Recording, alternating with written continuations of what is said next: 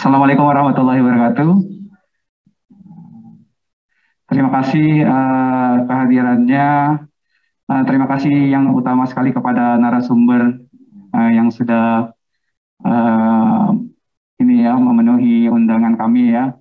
Jadi acara ini sebenarnya uh, inisiatif dari uh, IKA alumni ISB kami gitu ya, yang diketuai oleh Pak Akbar Yandi dengan bekerja sama dengan LPPM kita gitu ya, LPPM ISB Atmaluhur gitu ya. Nah, dengan momen itu beliau hmm, mungkin sudah koordinasikan dengan Bapak Ibu sekalian ya mengadakan acara ini. Jadi terima kasih atas kehadirannya. Mungkin uh, ada Pak hmm, Pak Basrah ya tadi ya, Pak Basrah dari KPN KPCP ya. Nah, ini saya nyontek dulu karena saya juga belum hafal. ya salam kenal Pak Basrah. Kemudian ada Pak Doni ya, nah, Pak Doni ini yang sudah sangat bersemangat sekali ini memberikan uh, motivasi ini ya, uh, motivasi untuk kita gitu ya. Mungkin termasuk saya sendiri di sini ya, mungkin agak takut juga ya pada dengar tentang vaksin-vaksin dan hoaxnya gitu ya. Kemudian terima kasih juga ke Bu Arlis, uh, Ibu dari Dinas Kesehatan Kabupaten Bangka ini diundang ke Pangkal Pinang Ibu ya, nggak apa-apa Bu ya.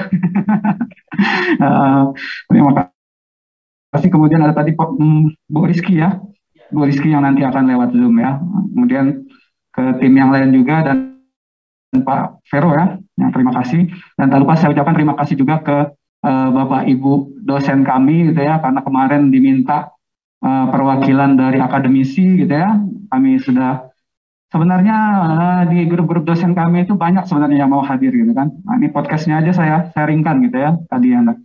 Tapi kemarin kita pilih aja perwakilan gitu ya, yang mewakili lima dosen TI kami, dosen SI, kemudian tenaga kependidikan kami juga, kemudian mahasiswa kami gitu ya, sehingga dengan mahasiswa jumlah yang saya rasa 20 orang itu mudah-mudahan nanti bisa jadi apa ya semacam kalau bahasa dari uh, akademisi biasanya TOT Pak ya mungkin ya. Nah, jadi eh, trainer-trainer uh, yang bisa menyebarkan info yang baik mungkin ya tentang vaksin ke depannya.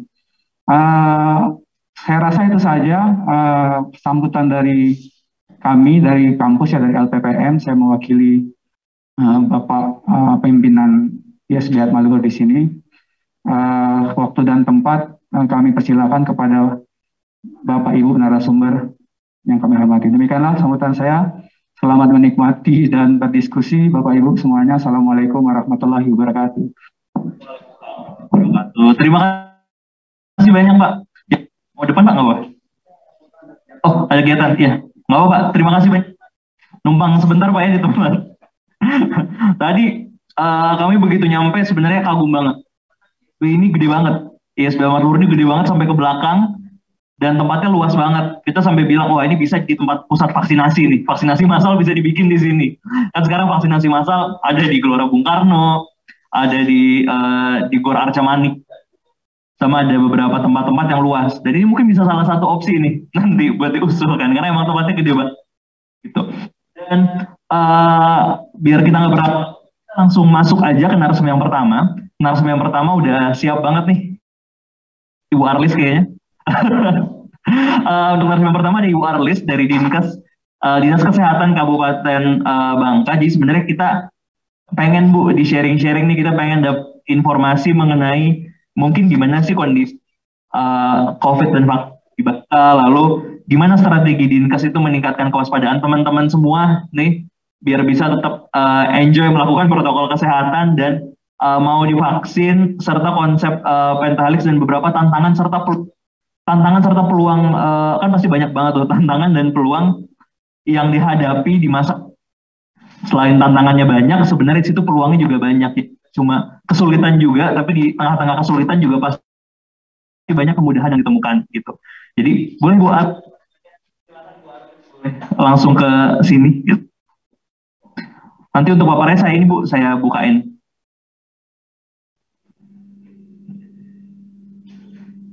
Silakan Bu Arlin.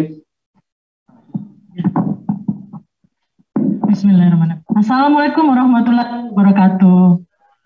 Alhamdulillah ya teman-teman kita bisa berkumpul di sini. Saya diundang di sini. uh, jauh-jauh dari nggak jauh sih dari Bangka ya. Uh, saya perkenalan dulu ya. Nama saya Ibu Arlis Danita. Saya selaku uh, sebenarnya kasih promosi kesehatan Kabupaten Bangka di Dinas Kesehatan. Uh, sebelumnya saya sangat bahagia, senang ya udah bisa ke sini, belum mau berbagi, sharing sama teman-teman masalah vaksin dan protokol kesehatan. Saya lebih ke protokol dan vaksin. Alhamdulillah saya dan teman-teman saya tim dari Dinas Kesehatan juga udah divaksin ya. Jadi saya ini berbagi aja di sini apa sih efeknya sudah divaksin agar kalian tuh nggak takut ya untuk divaksin. Karena apa kebanyakan uh, banyak hoax tadi jadi takut gitu. Kenapa kita harus percaya hoax gitu? Kalau memang kenyataannya di lapangan sebenarnya di depan kita saya eh, nggak uh, ada yang namanya itu sudah divaksin pingsan ya. Uh, ada yang namanya vaksin itu muka itu uh, kelihatan apa kata bahasanya di sini tuh miring-miring gitu, langsung stroke ada mungkin ya uh, dengar-dengar hoax itu semua hoax ya. Jadi yang saya rasakan saya lebih berbagi aja. Setelah saya divaksin, uh, vaksin ini dibuat dua kali dosis ya. Yang pertama hari pertama dan hari ke-14. Jadi Bapak Ibu uh, dua kali vaksin kita bukan satu kali ya. Nah di hari pertama saya divaksin, apa sih saya, yang saya rasakan? Yang pertama saya merasa ngantuk.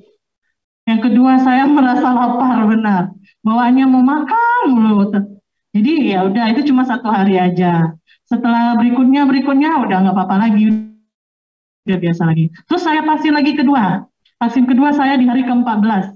Di hari ke-14 malah saya nggak apa-apa, nggak ngantuk, nggak lapar. Jadi biasa aja. Jadi ya mungkin karena kekebalan saya yang pertama udah terbentuk tapi belum sempurna. Setelah di 14 hari kekebalan saya menjadi sempurna dan sampai 28 hari sudah terbentuk kekebalan dari diri saya.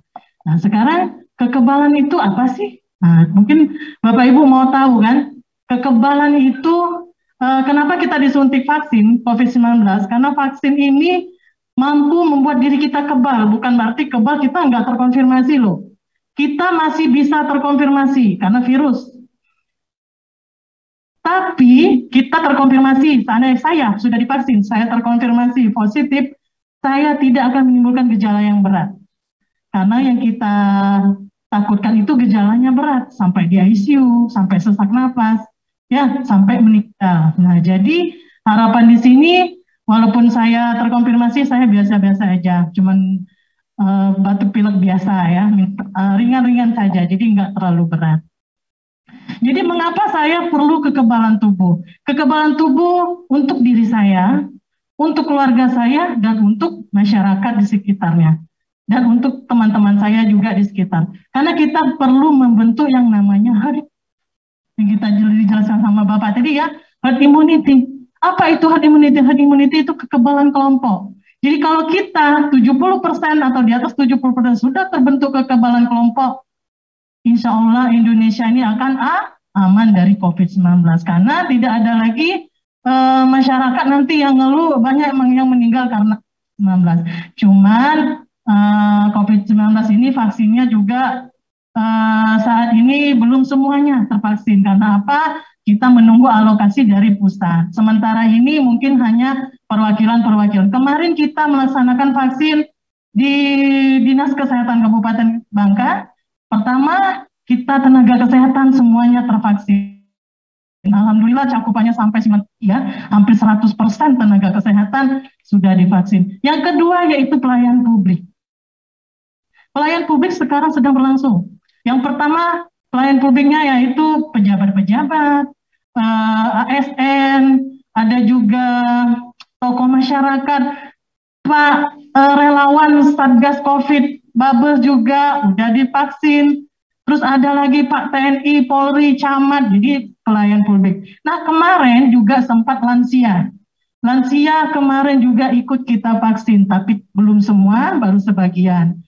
Yang saya sangat banggakan sekali, lansia itu, aduh, antusias sekali ya, Bapak Ibu. Kalah kami tenaga kesehatan, sampai rebutan mau vaksin. Ya, kenapa?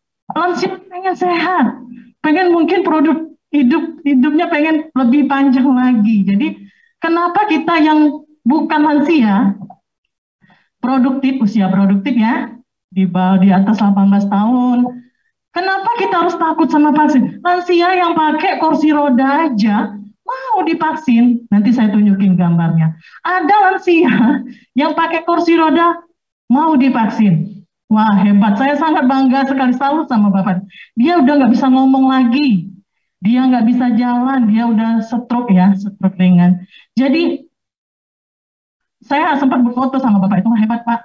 Kita aja tenaga kesehatan agak-agak takut ya divaksin, tapi Bapak itu semangat sekali. Umurnya tahu nggak berapa? 78 tahun. Aduh, tapi masih semangat hidup gitu loh. Nah, saya harapkan dengan adanya contoh-contoh yang sudah divaksin dan kita tahu vaksin kita ini suci, aman, dan halal. Dari MUI kita sudah mengantongi, dari Badan POM kita sudah mengantongi. Jadi untuk apa lagi ragu untuk divaksin karena semuanya sudah aman. Termasuk saya juga alhamdulillah aman dan sudah terbentuk uh, kekebalan sempurna karena sudah dua kali penyuntikan. Dan yang saya rasakan badan saya itu memang Beda loh sebelum saya disuntikan. Sebelumnya saya ini pagi-pagi suka bersin-bersin ya, alergi.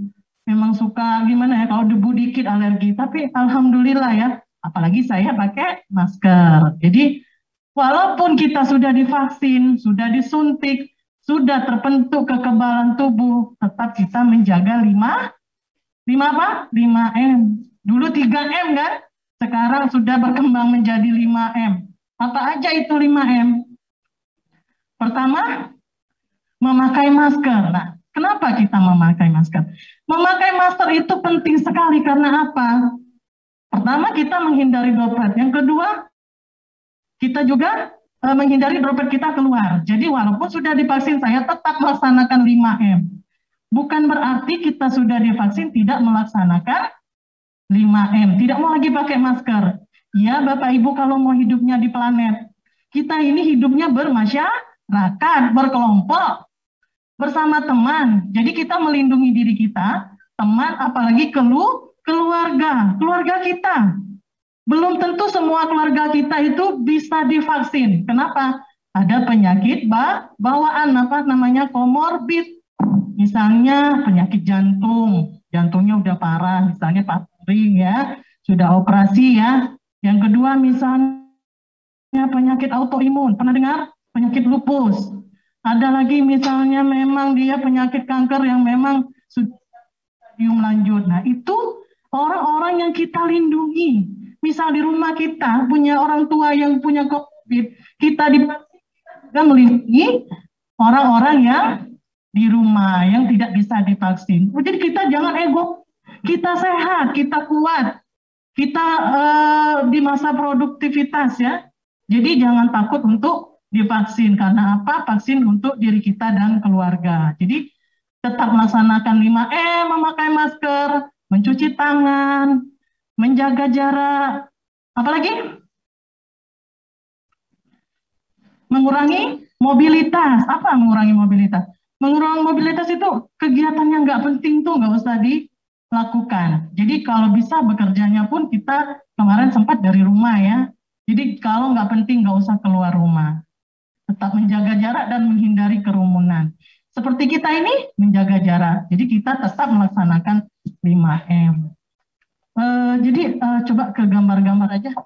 Kita mengingat waktu ya, lebih baik sharing, uh, tanya jawab. Jadi apa pun Bapak Ibu yang mau ditanyakan masalah vaksin, kita punya vaksin Sinovac namanya. Vaksin Sinovac ini aman, suci, dan halal. Sudah kita kantongi ya.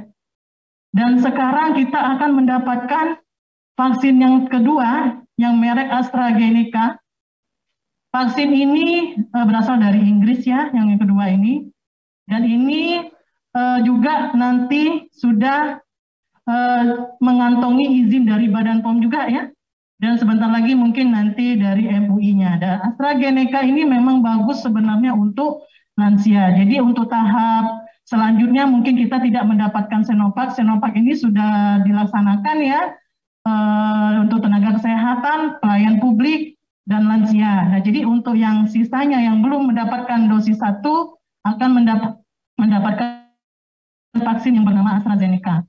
Nah ini kandungan vaksinnya ya Bapak Ibu nggak perlu saya jelaskan nanti jadi panjang ya. Jadi tahu bahwa kita punya vaksin Sinovac dan AstraZeneca ya. Sementara yang saya pakai dan teman-teman saya ini dan mungkin nanti akan ada vaksin AstraZeneca yang dari Inggris. Yuk, next. Oke, okay, next. Nah, ini sasaran penerima vaksin COVID ya, Bapak Ibu ini. Ada aparatur pemerintah, ada penerima bantuan iuran masyarakat. Nah, Bapak Ibu termasuk ke tahap yang ketiga ya masyarakat. Nah, untuk dosen-dosen kemarin sudah karena dosen-dosen ini uh, untuk yang pemerintahan sepertinya sebagian udah uh, di apa namanya uh, di universitas apa itu yang negeri itu UBB ya nah, sebagian udah terus IAIN ya yang di Petaling KC apa ya nah itu udah sebagian tapi belum semua karena kita alokasi vaksinnya kita belum semuanya datang bertahap jadi menunggu tahap selanjutnya kemungkinan semuanya akan divaksin ya. Uh, Bapak Ibu udah tahu cara pendaftarannya di mana? Belum tahu ya, nanti akan diinfokan untuk masyarakat itu apa nanti dari RT atau lingkungannya masing-masing atau mengunjungi situs peduli, peduli lindungi ya. Nanti mendaftar melalui aplikasi Peduli Lindungi. Coba dibuka nanti Peduli Lindungi karena memang tahap ketiga buat masyarakat memang belum ya, cuman yang pertama dan yang kedua ini udah berlanjut eh, tenaga kesehatan dan pelayan publik. Oke, okay, next. Nah, cakupan Kabupaten Bangka. Nah, ini. Ini kelompok sasaran yang kita laksanakan kemarin yaitu antara 18 sampai 59 dan 60 tahun ke atas lansia yang saya ceritakan tadi. Yang pertama tenaga kesehatan target sasarannya 3.570 kalau Kabupaten Bangka. Pelayan publiknya 6.395 dan masyarakat yang rentan secara geospesial, sosial, dan ekonomi ada 84. Nah ini masyarakat umum ada banyak ya, 110. Dan masyarakat lansianya targetnya kita 24 juga. Lumayan ya. Jadi ini yang tahap keempat masyarakat juga lebih lebih banyak. Mudah-mudahan cakupan kita Nanti kita lihat feedback lagi cakupannya apakah mencapai 75% ke atas. Karena kalau tidak mencapai 70%, kita akan diulang kembali vaksinnya. Jadi nggak selesai-selesai kalau kita belum mencapai herd immunity. Jadi mohon bantuan Bapak Ibu untuk keluarganya nanti sosialisasikan juga kasih tahu kalau memang yang bisa divaksin yang tidak mungkin kenapa kita mesti memaksakan tidak ya jadi yang memang sehat, yang usia produktif, lansia yang mungkin bisa juga, kenapa tidak untuk divaksin? Yuk, next. Nah ini distribusi vaksin COVID kita sampai dengan 15 Maret ini ada 6.079. Nah baru sedikit ya. Jadi sisa vaksin hanya 201. Jadi ini Sinovac. 15 Maret kemarin ya. Sinovac. Jadi mungkin eh, Nah, lokasi yang baru ini mungkin nanti mereknya bukan lagi Sinovac, tapi kita belum tahu ya penerimaan alokasi vaksinnya. Yuk next. Ini capaiannya. Nah ini dari sasaran tadi capaiannya dos ini yang ini dosis satu. Dosis satu kita tadi sudah bilang ada dua dosis ya. Dosis satu sudah banyak, dosis dua baru sedikit karena memang dosis dua lagi berlangsung dan belum habis ya. Nah ini lansia. Lansia baru dosis satu. Lansia ini beda sama kita. Dia bukan 14 hari, dia 28 hari. Ya, nggak sama. Karena memang lansia kan banyak penyakit-penyakit penyerta dan efektifnya setelah vaksin dilakukan 28 hari, bukan 14 hari. Kalau kita yang biasa ini 14 hari, 1 sampai 14 ya, dua kali. Nah, kalau lansia satu dan ke 28 harinya. Jadi makanya lansia belum pada dosis kedua, ya masih lama dia. 28 hari itu sekitar hampir satu bulan ya Pak ya, Bapak Ibu ya. Nah ini tenaga kesehatan lihat nih, cakupannya lumayan ya. Jadi kami semua tenaga kesehatan baik itu di rumah sakit, puskesmas, swasta, pemerintah, semuanya sudah divaksin hampir hampir mencapai 100 sedikit lagi ya ini lagi berlangsung oke okay, next Oke, waktu pelaksanaan. Oke, lanjut next. Dan ini ada empat alur meja vaksin, Bapak Ibu harus tahu ya. Meja pertama pendaftaran menunjukkan etiket, yaitu etiket tadi yang saya bilang bahwa mendaftar di Peduli Lindungi. Kami kemarin mendaftar dan juga didata melalui SDM kami ya. Jadi eh, di meja pertama pendaftaran, di meja kedua petugas kesehatan melakukan anamnesa, pemeriksaan. Jadi sebelum Bapak Ibu dilakukan vaksin diperiksa dulu. Nanti ditanya sama dokternya ada penyakit apa Bapak Ibu. Suhunya dicek kalau di atas 37 ke atas ditunda dulu. Kalau tensi darahnya di atas 170 per 110 tidak bisa dilakukan vaksin karena kalau tinggi tensinya jelas belum bisa. Jadi diobservasi dulu, disuruh duduk dulu Bapak Ibunya. Kalau besok tensinya tinggi, disuruh duduk menunggu dan nanti ditensi lagi. Apakah sudah turun? Seandainya belum turun juga, nanti akan kita berikan obat. Nah itu. Jadi di meja dua. Lalu di meja tiga. Di meja tiga petugas memberikan vaksinasinya. Nah jadi setelah meja dua, apakah Bapak Ibu layak divaksin ada nanti di meja dua dan dikeluarkan surat pernyataan bahwa memang uh, ini yang meriksa dokter ya, bukan bukan tenaga kesehatan lain. Ini dokter yang memang memeriksa kesehatan Bapak Ibu, apakah memang layak divaksin atau tidak. Jadi setelah di meja tiga, petugas vaksin memberikan vaksin secara intramuskuler, yaitu melalui otot, bukan melalui kulit ya. Di mana? Di tangan, di lengan sebelah kiri. Kemarin ada yang pakai tato, tangan sebelah kiri, terpaksa tangan sebelah kanan. Kenapa tangan sebelah kiri? Karena tangan sebelah kiri kita ini jarang beraktivitas ya, lebih banyak kah kanan. Karena kalau sudah divaksin, uh, ininya jangan terlalu banyak angkat yang berat-berat, ya, jangan terlalu banyak aktivitas. Makanya dipilih lengan yang kiri. Oke. Lalu meja keempat. Meja keempat petugas mencatat hasil pelayanan dan memasukkan ke aplikasi dan menunggu 30 menit. Apakah Bapak Ibu ada efek sampingnya dari vaksin? Ada nggak kipinya?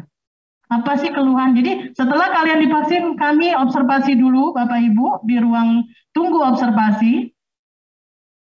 Menunggu sampai 30 menit. Adakah keluhan pusing, mual? Ada ya. Kemarin ada pusing mual, mungkin waktu itu dia belum sarapan. Atau juga mungkin kededep bahasa sini ya akan ada ketakutan. Jadi saking takutnya tadi gemeter ya. Takut disuntik, takut sama jarum. Jarumnya kecil, jarum anak-anak balita. Pernah nggak ngantar adik-adiknya vaksin? Imunisasi. Nah itulah jarum, kecil. Kayak digigit semut.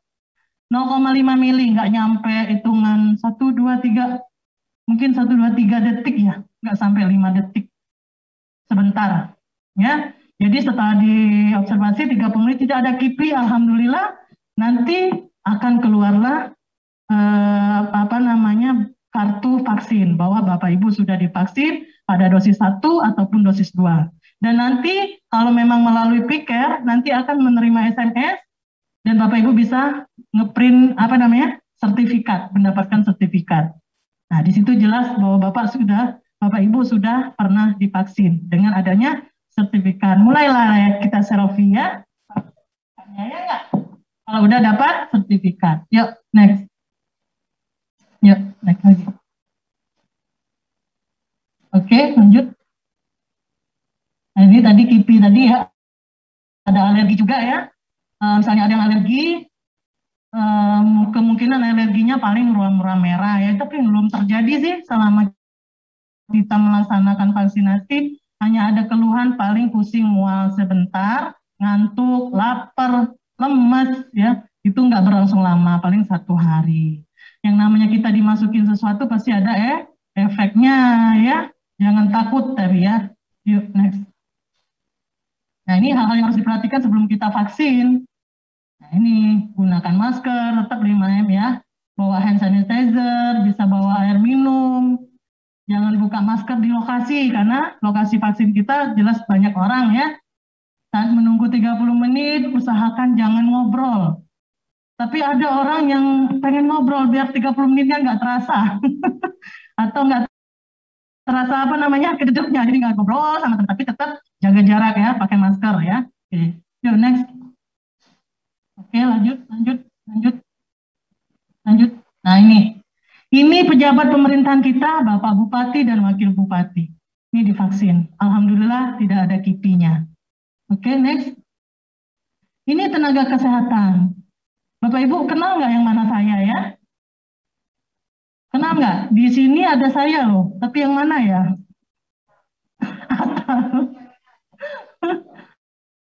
ada ya, ini kepala dinas kita, Dr. Tan Suyanti.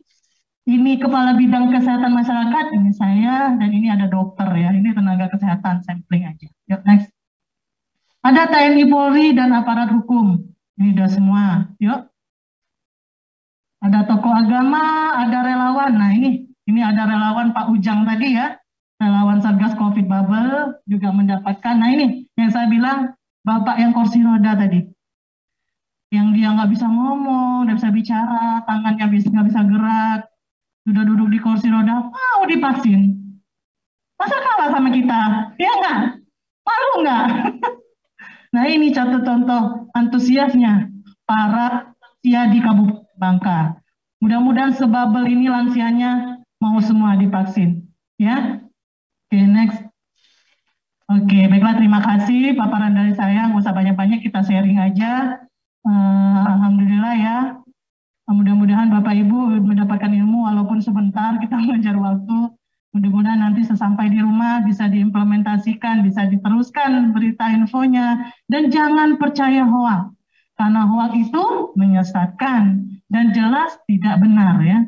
Karena kita melihat realita, fakta ya. Jangan melihat berita-berita yang tidak jelas. Oke, itu saja saya kembalikan ke panitia. Wassalamualaikum warahmatullahi wabarakatuh. Salam sehat. Sehat dimulai dari saya. Oke, ulangi ya. Saya. Satu, dua, tiga. Sehat dimulai dari saya. Oke. Tepuk tangan dulu dong buat Bu Arlis. Terima kasih banyak Bu Arlis. keren banget Bu Arlis penyampaiannya. Kelihatan banget nih promkes. Biasa melakukan promosi kesehatan ke masyarakat. Nah, ya Bapak Ibu, jadi banyak banget hal tentang tentang vaksin yang udah jelasin sama Bu Arlis. Yang pastinya Bu Arlis jelas paham banget karena memang ya bertahun-tahun Bu Arlis mungkin mengurusi itu. Tidak hanya dari uh, COVID aja tapi udah dari bertahun-tahun sebelumnya. Uh, dan selanjutnya uh, kita akan ada pembicara yang kedua itu dari UNICEF. Dari UNICEF ada Mbak Rizky Ika uh, Savitri.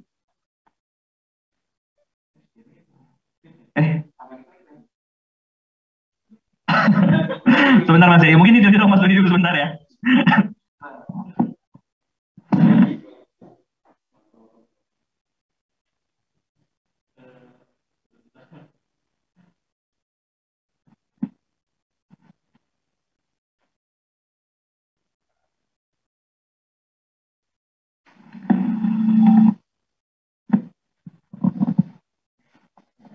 Oke, sambil tunggu kita, kita uh, Mbak Diki sudah Mbak Mbak Rizky lihat Mbak Diki sudah standby ya. Kemudian uh, bisa sharing ya.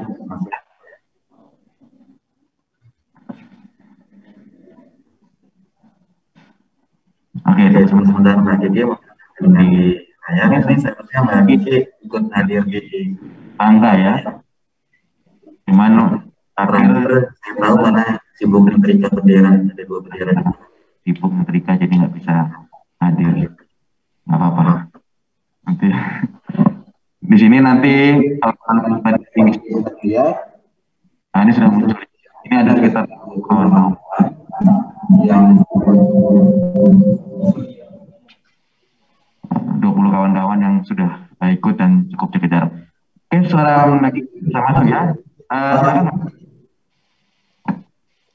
selamat siang Bapak Ibu. Assalamualaikum Apa kabar? Uh, salam kenal buat semuanya. Senang sekali uh, hari ini diberi kesempatan. Mohon maaf uh, ikut hadir Padahal ingin sekali, uh, tapi mudah-mudahan kita tetap bisa sama-sama uh, belajar tentang vaksinasi COVID-19 ini dan bisa secara umum. Uh, Mas Doni tadi suaranya terputus-putus, jadi saya tidak terlalu mendengar instruksi. Ini saya langsung mulai atau gimana, Mas Doni dan Mas Vero?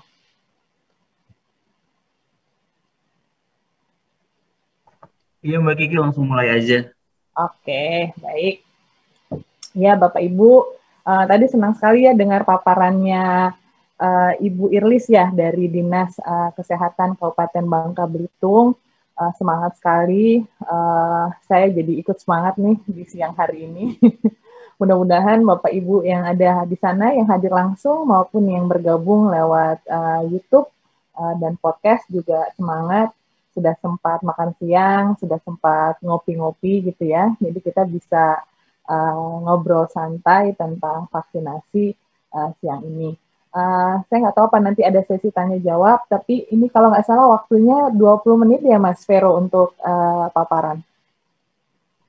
Betul, sekitar 20 menit. 20 menit ya. Kalau gitu Bapak Ibu saya izin untuk uh, share screen, tapi sebelumnya uh, saya ingin bahwa uh, saat ini kami di UNICEF uh, bekerja sama dengan rekan-rekan di KPCPEN juga di Satgas uh, ini bersama-sama dalam upaya penanganan COVID-19. Jadi bukan hanya vaksinasi, tadi juga sudah disampaikan oleh Bu Irlis, upaya untuk pencegahan juga menjadi fokus uh, dari uh, apa namanya uh, upaya penanganan yang komprehensif. Nah, uh, kami sendiri melihat ini juga momentum yang baik sekali saat kita bicara banyak tentang pandemi, bicara banyak tentang vaksinasi. Ini menjadi kesempatan juga buat kami sebenarnya untuk bicara lebih banyak juga tentang imunisasi secara umum gitu ya. Saat ini uh, hampir semua orang semangat sekali, euforia uh, untuk segera mendapatkan uh, vaksinasi COVID-19.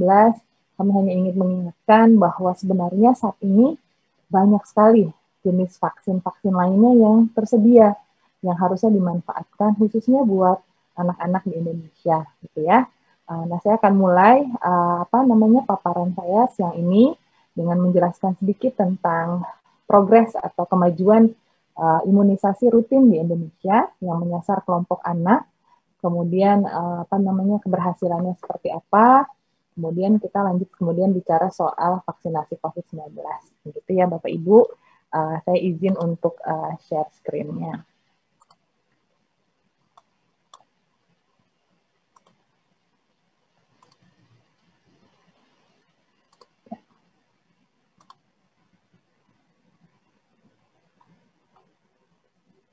Ya, mudah-mudahan sudah terlihat ya, Bapak Ibu. Oke. Okay.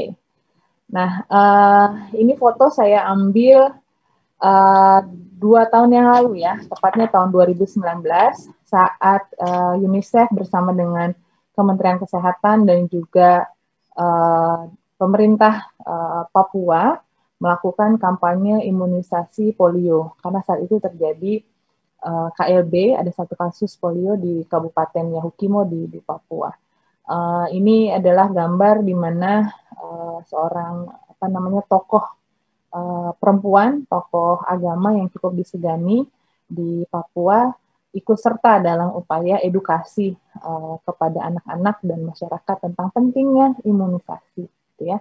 Nah, mudah-mudahan hari ini Bapak Ibu yang hadir uh, bisa jadi juga agen-agen perubahan bisa menjadi eh, orang-orang yang akan memberikan informasi yang benar tentang pentingnya imunisasi. Baik.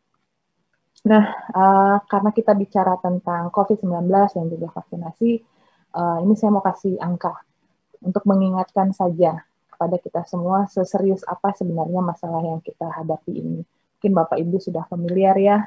Uh, ini ada yang atas ada data vaksinasi, ada 181 juta yang ditargetkan Kemudian uh, saat ini sudah lebih dari 4 juta yang divaksinasi dosis ke-1 dan sudah lebih dari 1,7 juta yang dosis kedua.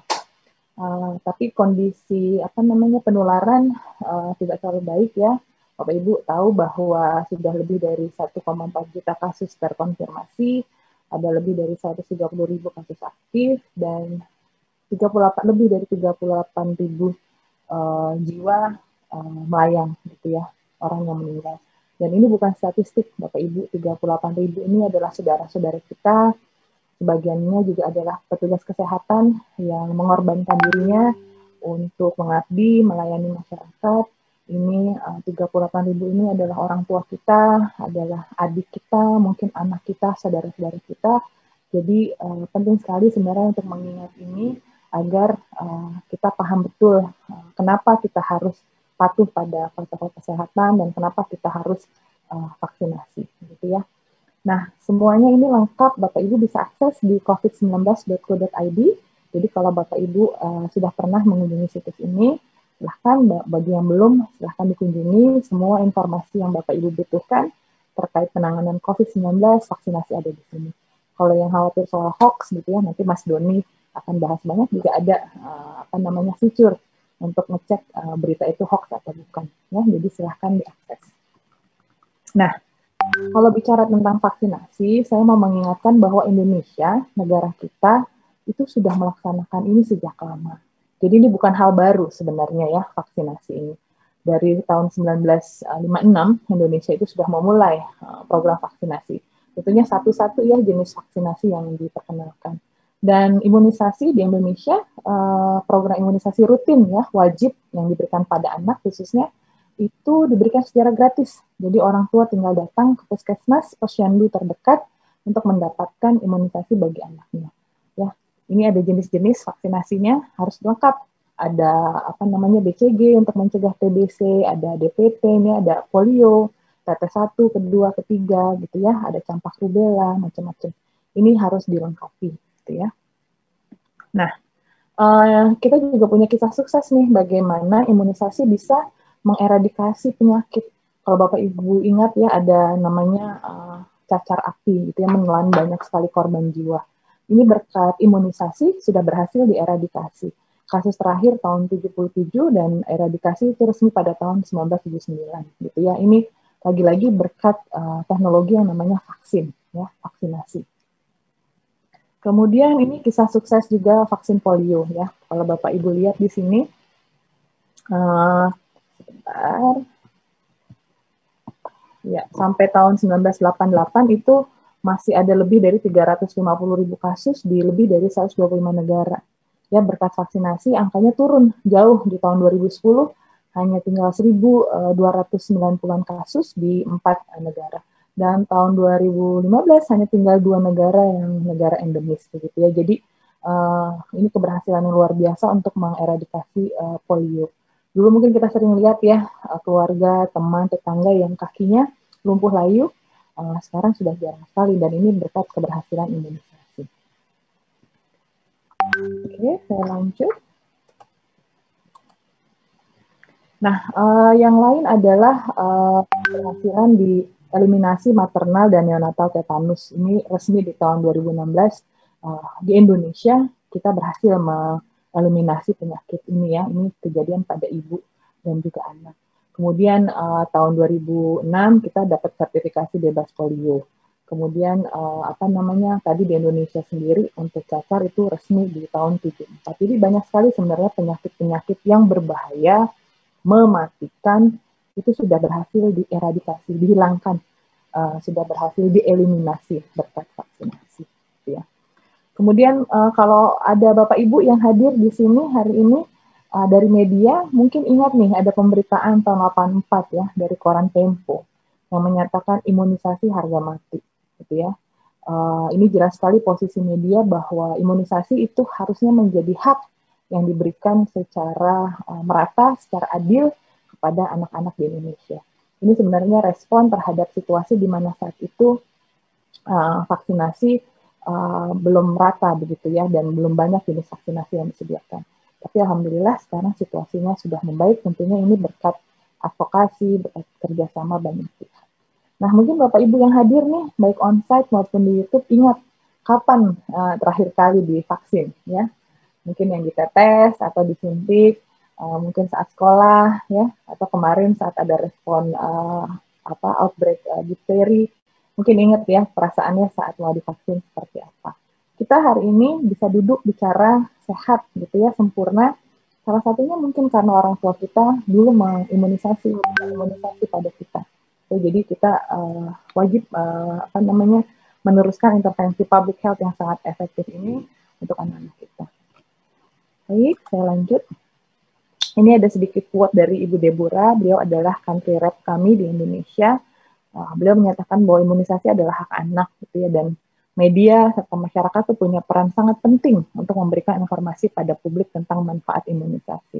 Nah, nanti ini ada kaitannya mungkin dengan sesi yang akan disampaikan Mas Doni bahwa salah satu kendala dalam program imunisasi adalah rendahnya acceptance dan atau penerimaan terhadap vaksin dan itu juga disebabkan oleh banyaknya hoax atau berita uh, tidak benar, berita bohong ya, misinformasi yang beredar terkait dengan imunisasi. Nah, ini jadi tanggung jawab kita bersama sebenarnya untuk bisa mengadres atau menyelesaikan masalah ini. Um, ini sayangnya Indonesia uh, juga masuk sebagai salah satu negara dengan jumlah anak yang tidak mendapatkan imunisasi lengkap. Jadi imunisasi itu harus lengkap Bapak Ibu untuk anak sampai usia satu tahun, baik jenisnya maupun frekuensinya. Kalau polio harus empat kali, ya harus empat kali, gitu ya. DPT berapa kali, gitu. Jadi ini harus dilengkapi. Sayangnya Indonesia termasuk negara yang tidak lengkap nih, uh, memiliki jumlah anak uh, cukup banyak yang belum mendapatkan imunisasi secara lengkap. Nah, parahnya Bapak Ibu di kondisi pandemi saat ini capaian imunisasi rutin untuk anak-anak ini juga menurun di awal-awal pandemi ya. Uh, ini kita lakukan kajian bersama dengan Kemenkes. Ada sekitar 5.000 puskesmas posyandu yang ditanya apakah ada gangguan terhadap layanan imunisasi uh, karena situasi pandemi. Dan 85% menjawab iya. Gitu. Jadi ini sangat dimaklumi waktu itu ya mungkin sebagian sumber daya teralihkan untuk uh, COVID dan saat itu di awal-awal pandemi APD pun belum lengkap, jadi banyak layanan uh, dasar di puskesmas uh, yang terganggu termasuk untuk imunisasi. Dan minat masyarakat juga menurun, Bapak Ibu, ketika ditanya apakah mau imunisasi rutin untuk anak di saat pandemi, sebagian menjawab, tapi banyak juga yang tidak mau. Dan kalau dilihat praktiknya, itu hanya sekitar setengahnya ya, 50 persen, yang uh, datang ke Fasiankes untuk imunisasi rutin anaknya. Kenapa sih Mbak Kiki ngomong panjang lebar nih soal imunisasi rutin? Nah, ini Bapak Ibu. Kalau situasi ini dibiarkan, kalau banyak anak-anak tidak divaksinasi di saat pandemi, bukan tidak mungkin selain COVID kita akan mengalami uh, eh, KLB atau kejadian luar biasa atau wabah penyakit-penyakit lain yang sebenarnya bisa dicegah dengan imunisasi, gitu ya. Jadi kan rumusnya kalau cakupannya menurun maka penularan uh, lebih mungkin terjadi. Jadi bayangkan nih, kita sudah mengalami pandemi COVID, terus nanti tiba-tiba ada wabah difteri, ada wabah campak gitu ya. Tentunya sistem kesehatan kita bisa kolaps gitu. Nah ini sudah terasa juga sebenarnya Bapak Ibu untuk vaksinasi COVID karena gudang-gudang penyimpanan juga masih penuh dengan vaksin uh, untuk imunisasi rutin yang belum bisa digunakan, sehingga ini menjadi kendala juga untuk penyimpanan atau storage uh, vaksin COVID-19. Jadi ini sebenarnya saling terkait. Jadi mudah-mudahan dari sesi ini Bapak Ibu paham bahwa selain mempromosikan vaksinasi COVID-19, mohon bantuannya juga untuk mengingatkan masyarakat tentang pentingnya imunisasi rutin ya untuk anak. Jadi ini tinggal datang ke puskesmas, tenang saja, protokol kesehatannya sudah dijalani, APD-nya sudah tersedia, jadi nggak perlu khawatir lagi uh, Bapak Ibu untuk membawa anak-anaknya divaksin. Begitu. Nah, uh, selanjutnya uh, kita akan bicara soal vaksinasi COVID-19. Tadi sebenarnya Ibu dari Dinas Kesehatan sudah panjang lebar ya uh, menjelaskan ini uh, dari UNICEF sendiri kami uh, melakukan survei di bulan September uh, dan hasilnya menunjukkan bahwa sebagian besar ya masyarakat 2 per 3 atau 65 persen menyatakan bersedia divaksinasi. Ada sekitar 27 persen yang masih ragu-ragu, ada 8 persen yang menyatakan menolak gitu ya. Dan kalau ditanya kenapa nggak mau divaksin, nah, jawabannya pasti tentang keamanan, dan juga uh, efektivitas dan ada sedikit yang menyebutkan tentang status kehalalan vaksin. Nah, setelah itu banyak sekali upaya yang dilakukan oleh pemerintah, oleh masyarakat, oleh pihak swasta untuk meningkatkan penerimaan uh, masyarakat terhadap vaksinasi. Dan kalau Bapak Ibu lihat ya saat ini minat atau demand terhadap imunisasi atau vaksinasi COVID-19 sangat tinggi gitu ya. Kemarin ini sempat turun Bapak Ibu di bulan November ketika kami melakukan survei, karena kami memantau terus uh, perkembangan penerimaan vaksin ini, itu minatnya sempat turun ya, sampai di angka sekitar 35 persen. Itu lagi-lagi akibatnya karena banyak sekali hoax, banyak sekali misinformasi yang beredar tentang uh, vaksinasi COVID-19. Tapi ini ada Mas Doni, ada teman-teman dari KPCPEN yang aktif sekali, teman-teman civil society uh, yang membantu upaya untuk uh, apa namanya mengatasi hoax ini sehingga penerimaan cukup baik. Kalau saat ini beberapa survei menunjukkan penerimaan hampir 80% ya, bahkan orang berlomba-lomba gitu. Kapan nih giliran saya gitu ya. Nah, pemerintah sendiri punya perencanaan untuk vaksinasi dan semuanya ini juga uh, apa namanya sangat uh, terkait dan tergantung dengan ketersediaan vaksinnya Bapak Ibu. Saat ini untuk bisa menyasar 181 juta kita mentargetkan untuk mensecure sekitar 442 juta uh, uh, dosis vaksin gitu ya dari berbagai uh, sumber dari berbagai upaya. Ini tentunya tidak mudah gitu ya. Sampai hari ini kita 30 jutaan yang sudah disecure. Uh, tidak mudah kenapa? Karena semua negara berlomba-lomba juga untuk mendapatkan vaksin uh, sementara kapasitas produksinya masih terbatas ya. Seperti Bapak Ibu tahu hanya ada beberapa produsen atau jenis vaksin yang sudah lolos clinical trial dan diperbolehkan oleh WHO ataupun uh, apa nasional uh, regulatory authority seperti kalau di Indonesia Badan POM yang uh, memberikan izin penggunaan uh, dalam masa emergensi. Jadi tidak banyak vaksinnya dan semua negara berlomba-lomba. Jadi uh, kemudian pemerintah mengeluarkan peta jalan roadmap dan membuat uh, prioritas jadi prioritas pertama adalah petugas kesehatan gitu ya, yang memang berisiko tinggi dan kita tidak bisa kehilangan mereka karena banyak yang harus dirawat. Kemudian sekarang sudah masuk tahap dua lansia uh, dan juga petugas pelayan publik. Nanti selanjutnya adalah masyarakat rentan dan masyarakat umum. Mudah-mudahan dalam satu tahun ini sampai akhir tahun uh, kita semua bisa divaksinasi gitu ya. Ini adalah beberapa upaya yang dilakukan pemerintah untuk vaksinasi COVID-19 ya Uh, kemudian baik upaya bilateral begitu untuk kerjasama dengan produsen dan negara-negara produsen vaksin. Kemudian di Indonesia sendiri mengembangkan uh, vaksin merah putih gitu ya. Kemudian juga melakukan kerjasama uh, apa namanya multilateral untuk bisa uh, me mendapatkan uh, vaksin bagi uh, masyarakat Indonesia. Uh, ini ibu saya usianya di atas 60 beliau baru saja divaksin uh, minggu lalu. Senang sekali antusias sekali gitu ya. Saya sendiri mengantar uh, beliau. Uh, kalau ditanya uh, motivasinya apa uh, mau cepat-cepat divaksin? Dia bilang mau peluk-peluk cucu lagi gitu ya. Nah ini motivasi orang beda-beda. Kita semua punya alasan kenapa kita mau sehat. Mudah-mudahan bapak ibu punya motivasinya sendiri ya entah untuk uh, kembali segera kembali bekerja kembali berusaha, uh, punya warung, uh, punya dagangan, kembali apa namanya mengajar gitu ya kalau yang guru. Uh, jadi apa namanya banyak sekali motivasi uh, dari kita yang mungkin berbeda-beda, tapi pastinya tujuannya kita semua ingin uh, segera keluar dari pandemi ini. Saya sebenarnya ada video yang mau saya tayangkan, cuma ini ada kendala teknis. Nanti mungkin di akhir uh, setelah sesi ini bisa ditayangkan. Itu dulu dari saya, Bapak Ibu. Terima kasih banyak. Nanti kalau ada pertanyaan dengan senang hati saya akan menjawab. Kembali ke Mas Vero. Terima kasih. Assalamualaikum warahmatullahi wabarakatuh.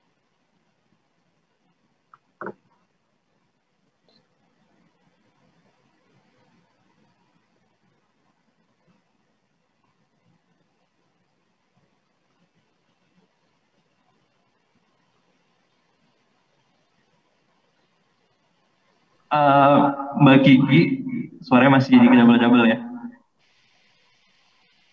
Mungkin yang di saya dimatiin aja Pak. Soundnya di aja.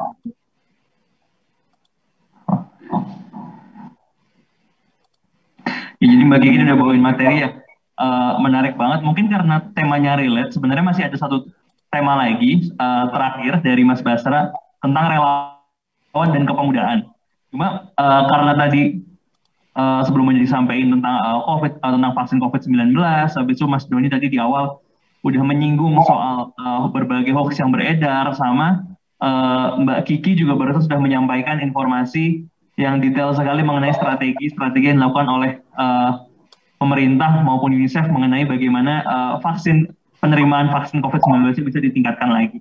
Mungkin kalau gitu kita apa ya buka semacam diskusi aja. Kalau ada bapak-bapak ibu-ibu teman-teman yang mau uh, apa ya nanya atau nanya konfirmasi dan berbagai hal mengenai berbagai macam permasalahan tentang COVID yang mungkin bisa kita bahas bersama atau masih ada yang ragu segala macamnya mumpung masih uh, narasumbernya masih pada ada di sini. Jadi boleh kalau ada bapak ibu atau kakak-kakak mas dan mbak yang mau bertanya atau yang mau uh, mengklarifikasi sesuatu boleh juga nih apakah ada bapak ibu?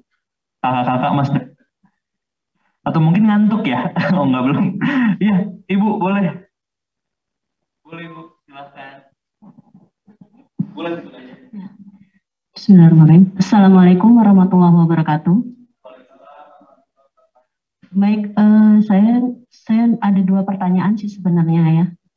Yang pertama itu adalah uh, sebenarnya saya sendiri tadinya itu pernah terkonfirmasi ya. Ya, jadi ini sebagai pengalaman saya gitu ya. Nah, ini ada hubungannya dengan anak saya gitu ya. Nah, pertanyaan saya yang pertama adalah kalau misalkan kita sudah ter terkonfirmasi ya, uh, apakah kita juga perlu divaksinasi? Kemudian keluarga kita gimana gitu ya? Uh, terus yang kedua, yang kedua itu adalah anak gitu ya. Anak saya itu terkonfirmasinya negatif, artinya uh, tidak tertular gitu ya. Ya, uh, tadinya kita sedih juga gitu ya, kenapa bisa terkonfirmasi gitu. Tapi ya mungkin memang sudah harus takdirnya gitu ya. Uh, untuk anak saya, tadi kan dikatakan bahwa Ibu Rizky bilang bahwa eh, anak-anak uh, itu tidak apa, bukan bukan apa namanya iya, bukan orientasi untuk vaksinasi ya. Nah, uh, saya pernah dengar dari omongan-omongan gitu ya, katanya kalau kita sudah terkonfirmasi itu kita tidak tervaksin divaksinasi lagi gitu ya. Jadi artinya antibodi kita sudah ada, tapi ya kita mungkin masih ragu juga kan, karena di sini katanya juga katanya juga karena kan kita juga belum tahu ya vaksinasi itu penting juga ya. Nah untuk anak saya terutama karena kan sekarang dia mulai sekolah lagi gitu ya. Nah, mulai sekolah lagi ya takutnya awal-awal sih saya takut, tapi saya pikir ya kenapa enggak apa namanya ya mesti takut gitu ya kita hadapin aja karena saya juga udah merasakan gitu ya Nah, untuk anak saya itu, terus saya juga punya anak bayi. Nah, anak bayi ini alhamdulillah imunisasinya sampai sekarang berjalan gitu ya, masih lengkap lah karena usianya masih 9 bulan. Nah, eh, mengenai vaksinasi ini, saya rasa saya memang butuh-butuh sekali informasi, ya butuh-butuh sekali informasi karena apa? Menyangkut saya, keluarga saya, anak saya, terus kemudian ya keluarga besar saya. Itu aja mungkin yang uh, bisa saya tanyakan. Assalamualaikum warahmatullahi wabarakatuh.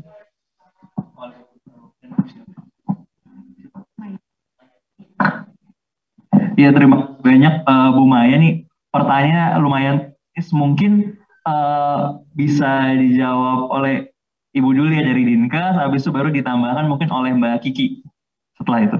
Boleh Ibu silahkan.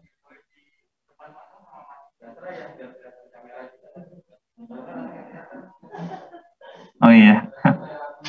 Mas Basar juga mau akrobat nih kayaknya nih. Maaf, maaf agak ada kabel nih Mas Basar nih. Iya, jangan jongkok Mas yuk. Oke, bagus sekali ya pertanyaan Ibu Maya ya.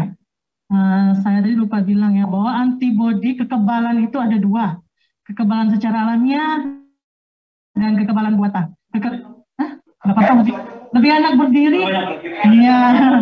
Itu ilmunya nyerap jadi kalau yang namanya ilmu eh, ilmu jadinya kekebalan alami yang itu tadi yang ibu alami yaitu kekebalan yang ber, berasal dari terkonfirmasi positif. Jadi ibu sudah mendapatkan kekebalan alami tetapi ibu tetap harus divaksin selama ibu menjalani tiga bulan setelah terkonfirmasi. Tetap bisa divaksin ya, tapi ibu belum prioritas dulu ya, karena nanti setelah tiga bulan ibu udah berapa bulan terkonfirmasinya? Oh ya, nanti berarti bisa pas tahap tiga kan masyarakat bisa. Jadi intinya ibu udah mendapatkan uh, kekebalan alami, tapi tetap nanti harus divaksin karena kekebalan alami uh, menurut penelitian belum begitu uh, bagus ya pembentukan kekebalan COVID-19-nya, tetapi dengan ditambah lagi uh, vaksinasi kekebalan buatan ya namanya karena divaksin ya karena bukan alami jadi kemungkinan nanti ibu akan tiga bulan kemudian nanti akan divaksin. Dan itu wajib harus ya karena uh, belum tentu yang udah positif terkonfirmasi nggak divaksin lagi. Enggak ya. Kemarin sudah ada aturannya kita dari Kementerian Kesehatan. Lalu anak-anak kenapa anak-anak tidak menjadi prioritas vaksin? Karena anak-anak Eh, selama ini yang kita tahu, anak-anak yang terkonfirmasi positif tidak menimbulkan gejala yang berat, tidak sampai menimbulkan kematian, tidak seperti yang kita dengar ya, bahwa yang berumur di atas 40, 50, 60 banyak yang meninggal ya. Jadi kalau anak-anak untuk sementara ini belum ada penelitian lebih lanjut, kemungkinan kita nggak tahu ya, ke depannya apakah anak-anak ini nanti akan dapatkan vaksin juga COVID-19 untuk sementara belum menjadi prioritas. Mungkin yang lebih prioritas itu yaitu yang usia produktif di atas 18 sampai 59 tahun dan juga lansia. Inilah prioritas dari uh, untuk uh, sasaran kita vaksinasi COVID-19. Oke Ibu, sudah jelas? Oke, okay. ya. Ada boleh ditambahkan Ibu Pit, Ibu Abah Rizky? Uh, boleh Bu ditambahkan sedikit mungkin Ya, baik. Terima kasih Ibu Irli sudah lengkap sekali jawabannya. Jadi bukannya tidak diberikan ya, tapi memang hasil studi clinical trial yang dilakukan oleh berbagai jenis vaksin yang saat ini available tidak uh, dilakukan pada kelompok usia di bawah 18 tahun. Oke, sebentar ya Mbak. Halo? Apakah suaranya terdengar? Silakan Mbak Kiki. Oke, okay, ya. Uh, sudah lengkap ya yang disampaikan oleh Ibu Irli, sedikit menambahkan saja bahwa sebenarnya eh, anak-anak uh, juga wajib dilindungi. Namun untuk vaksinasi, uh, clinical trial yang dilakukan oleh berbagai uh, perusahaan produksi vaksin tidak mempunyai data-data yang cukup untuk kelompok usia di bawah 18 tahun. Jadi ini tidak dilakukan untuk age tersebut sehingga kita tidak punya evidence atau bukti yang cukup bahwa vaksin ini uh, bisa diberikan dan aman buat anak-anak. Tapi sebenarnya prinsipnya yang tadi Bu Irlis bilang herd immunity. Kalau kita semua divaksin, maka anak-anak juga uh, kelompok uh, masyarakat lain yang tadi Bu Irlis bilang ada komorbid, punya masalah dengan sistem uh, kekebalan tubuhnya itu akan otomatis terlindungi. Gitu. Jadi kalau kita ingin anak-anak kita terlindungi, Ibu Maya, kita semua yang dewasa harus vaksinasi gitu ya jadi saat ini uh, tahap pertama sudah dilakukan untuk petugas kesehatan tahap kedua untuk lansia dan uh, pelayan publik sudah nanti tahap ketiga uh, masyarakat umum uh, apa namanya uh, akan divaksin jadi ajaklah semua keluarga kerabat teman untuk divaksinasi kalau kita ingin anak-anak kita juga terlindungi. Mungkin itu tambahan dari saya, Ibu Iris dan Ibu Maya. Terima kasih.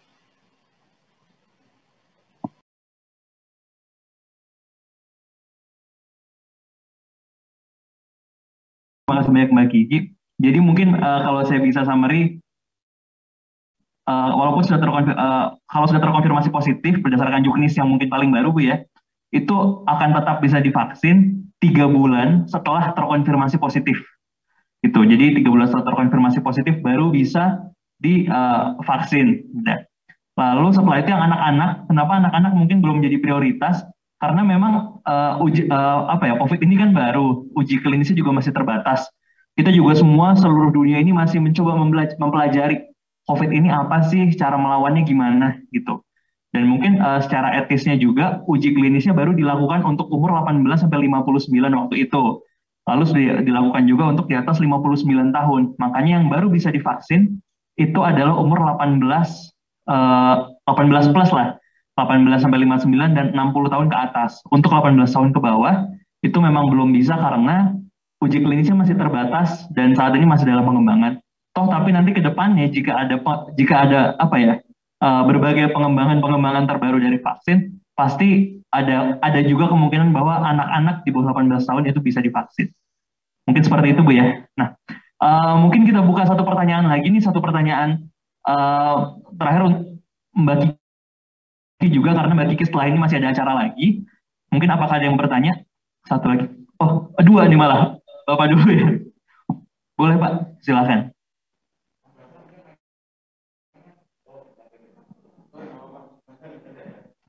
Baik, Assalamualaikum warahmatullahi wabarakatuh. Nama saya Devi Irawan. saya ingin bertanya. Ya. Yang pertama, saya mendapatkan apa? Dengar di teman bahwa seperti ini, Bu. Vaksin itu memasukkan virus ke tubuh. Jadi kita yang nggak ada virus di tubuh itu dimasukkan virus jadi apa sih manfaatnya apa apa ada uh, akibatnya untuk kita gitu bu. Terus yang kedua, saya mendengar lagi bahwa uh, kalau kita tidak vaksin itu ada aturan yang uh, yang saya dengar itu memberikan hak kepada perusahaan untuk istilahnya potong gaji atau apa untuk yang tidak vaksin. Apakah itu benar? Mohon penjelasan yang sebenar-benarnya. Assalamualaikum warahmatullahi wabarakatuh.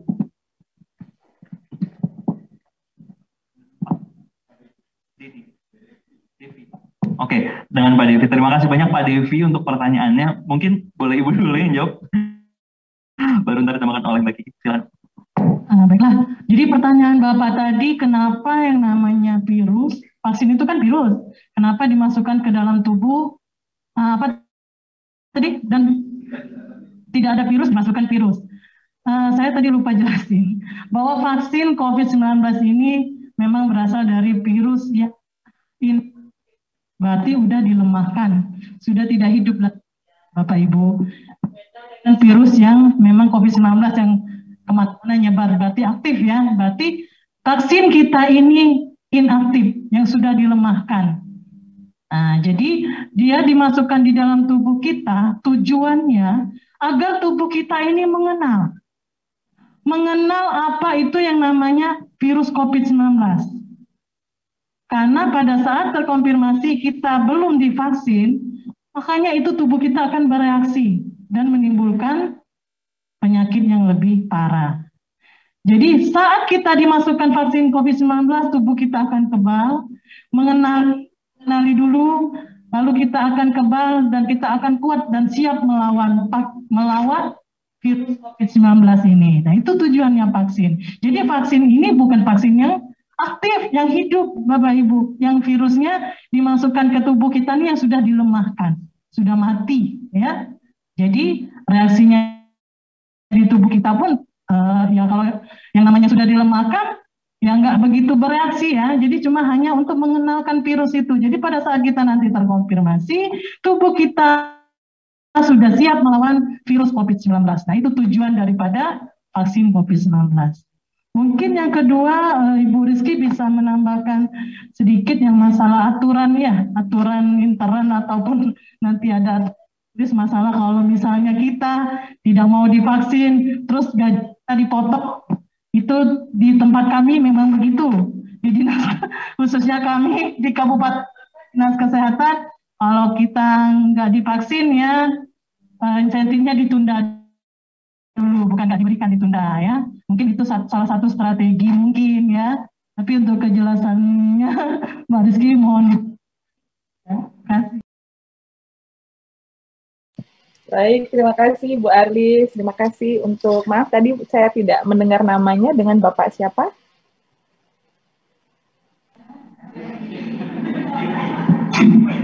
Pak Edi, Pak Edi. Edi, ya baik Pak Edi, baik sekali pertanyaannya. Uh, sudah lengkap ya yang dari Ibu Arlis tentang kenapa virus dimasukkan.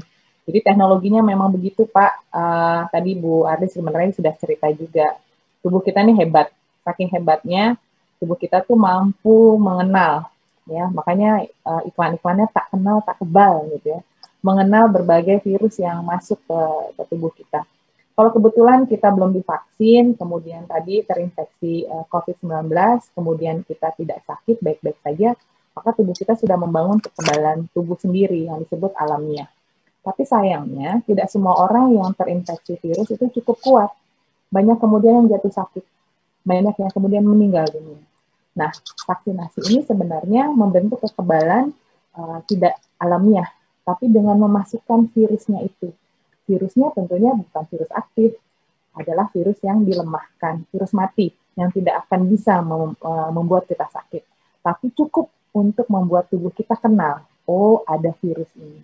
Sehingga nanti ketika virus yang sebenarnya uh, datang, uh, kita terpajan atau terkena, tubuh kita sudah punya pasukan gitu ya bahasanya sudah punya kemampuan untuk uh, melawan uh, apa namanya virus tersebut.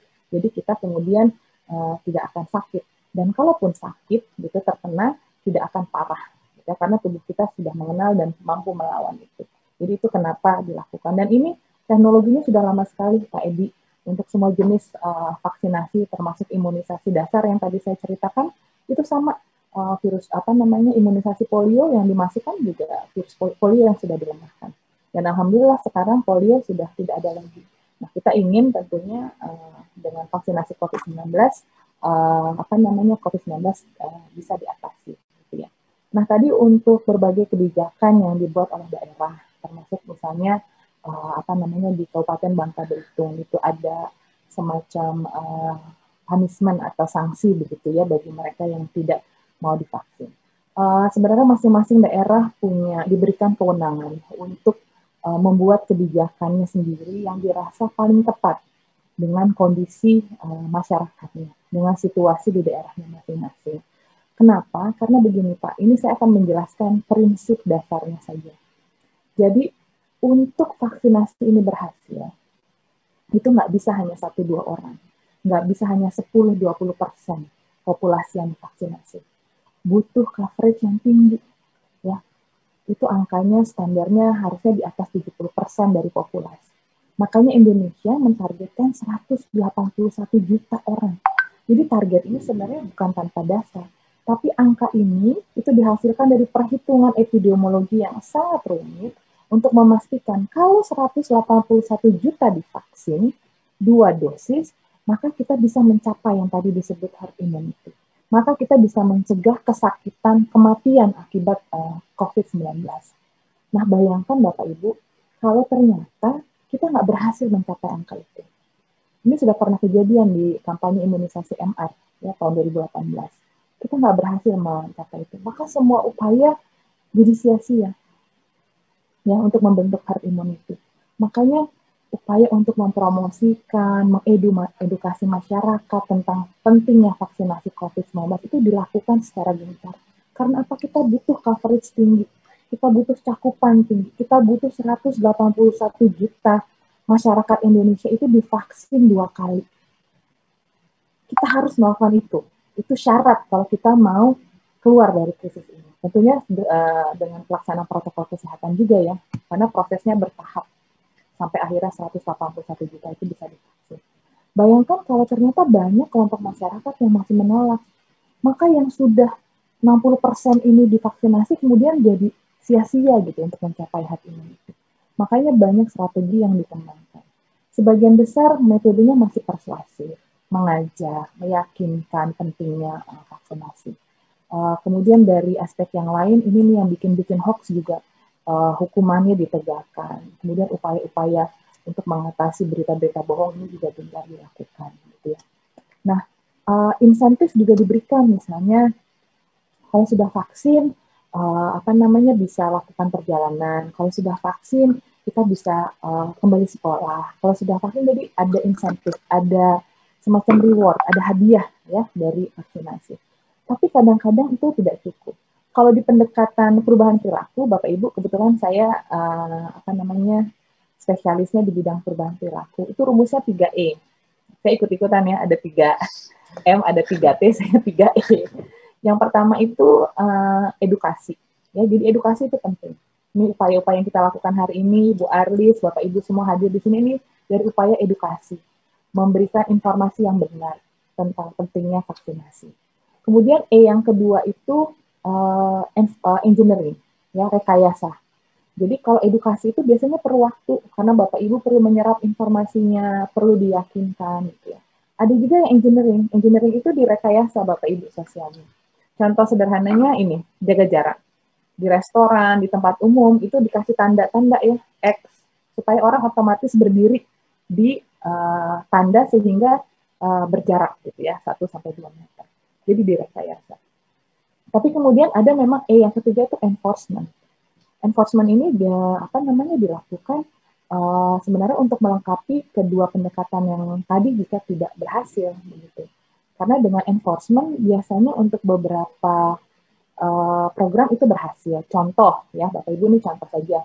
Uh, pakai helm atau pakai seatbelt. Uh, di Jakarta uh, drastis sekali orang yang tidak pakai helm atau tidak pakai seatbelt. Karena apa? Ada enforcement yang ancaman hukumannya jelas, dendanya jelas. Atau merokok. Di Jakarta udah nggak bisa lagi sembarang uh, merokok gitu ya. Ada tempat-tempatnya dan kalau melanggar jelas dendanya. Nah, enforcement ini biasanya cukup efektif untuk memastikan orang melaksanakan perilaku yang yang diharapkan. Tapi ini juga memang harus dilakukan secara hati-hati. Enforcement sebenarnya bisa dilakukan kalau uh, perilaku yang kita harapkan itu sudah menjadi konsensus bagi sebagian besar masyarakat. Sehingga ketika ada orang yang dihukum, uh, masyarakat memahami kenapa hukuman itu diberikan dan setuju gitu ya. Uh, jadi ini harus konsensus dulu. Ini kemudian menjadi pertimbangan masing-masing daerah untuk menentukan uh, apakah akan membuat kebijakan uh, semacam itu yang memberikan sanksi atau tidak. Tapi lagi-lagi uh, saya pikir kita fokus pada apa sih yang menjadi tujuan besarnya. Ini semua dilakukan agar masyarakat mau divaksinasi, agar kita mencapai tadi herd immunity. Ya 181 juta termasuk Bapak Ibu semua yang ada di ruangan ini, termasuk saya, termasuk uh, yang menyaksikan acara ini di uh, apa namanya di YouTube atau di sosial media. Mungkin itu jawaban dari saya, Ibu Aris. Maaf agak sedikit panjang. Semoga bisa menjawab ya Pak Edi. Terima kasih.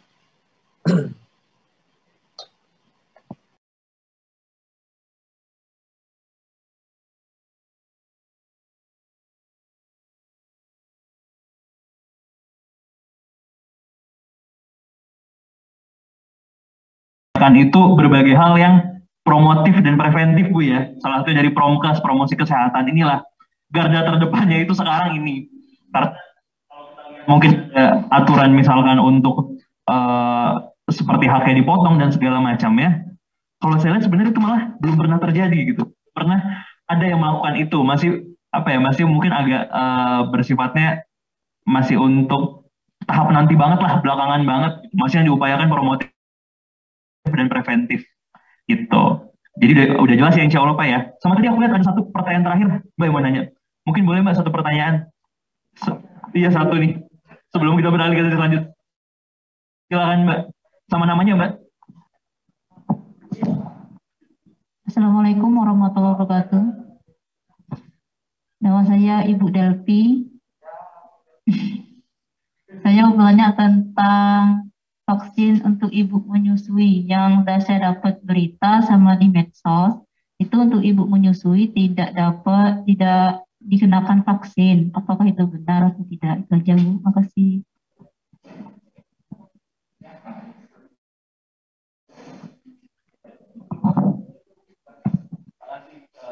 Bu Delvi?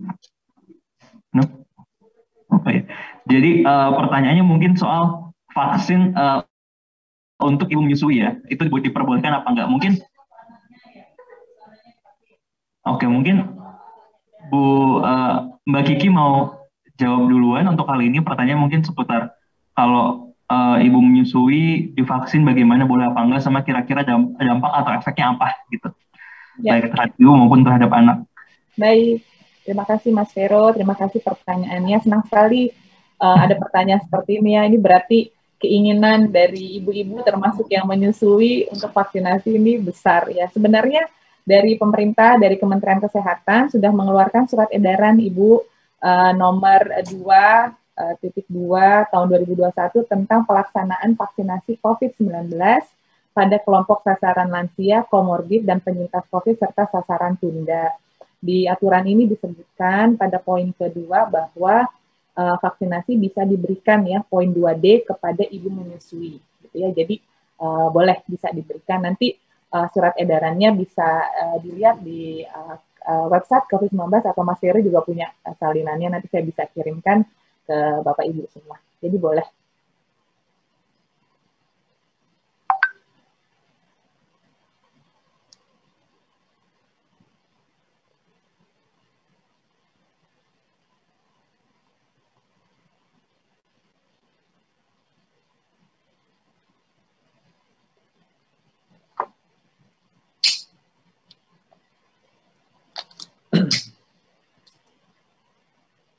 Betul.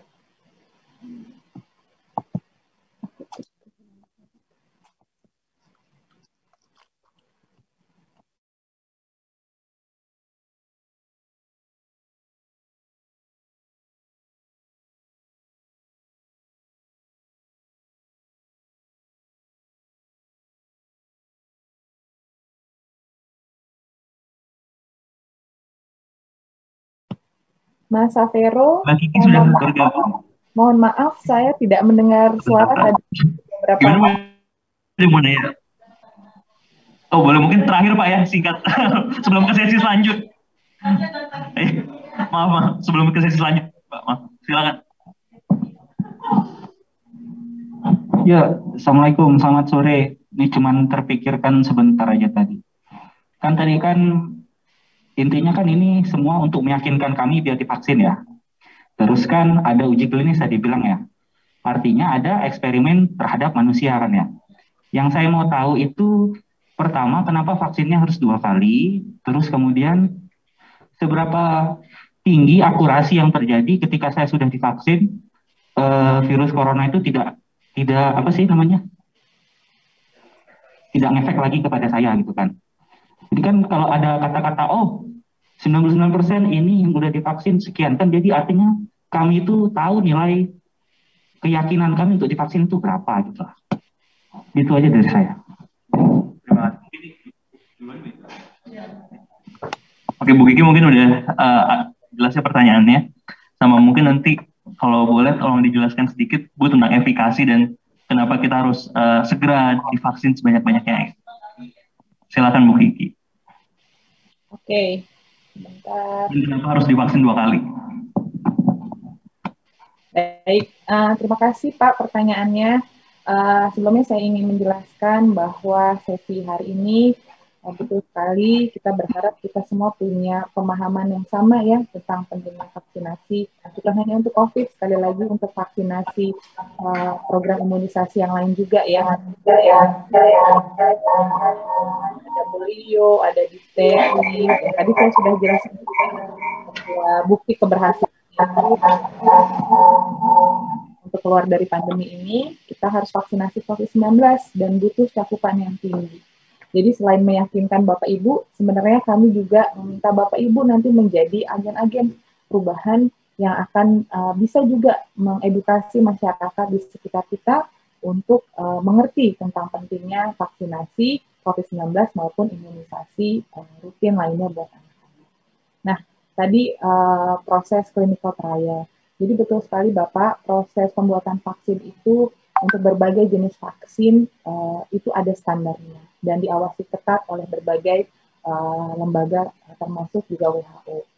Jadi ada proses yang pasti dilalui. Sebenarnya saya ada presentasinya, cuma nanti mungkin uh, panjang ya.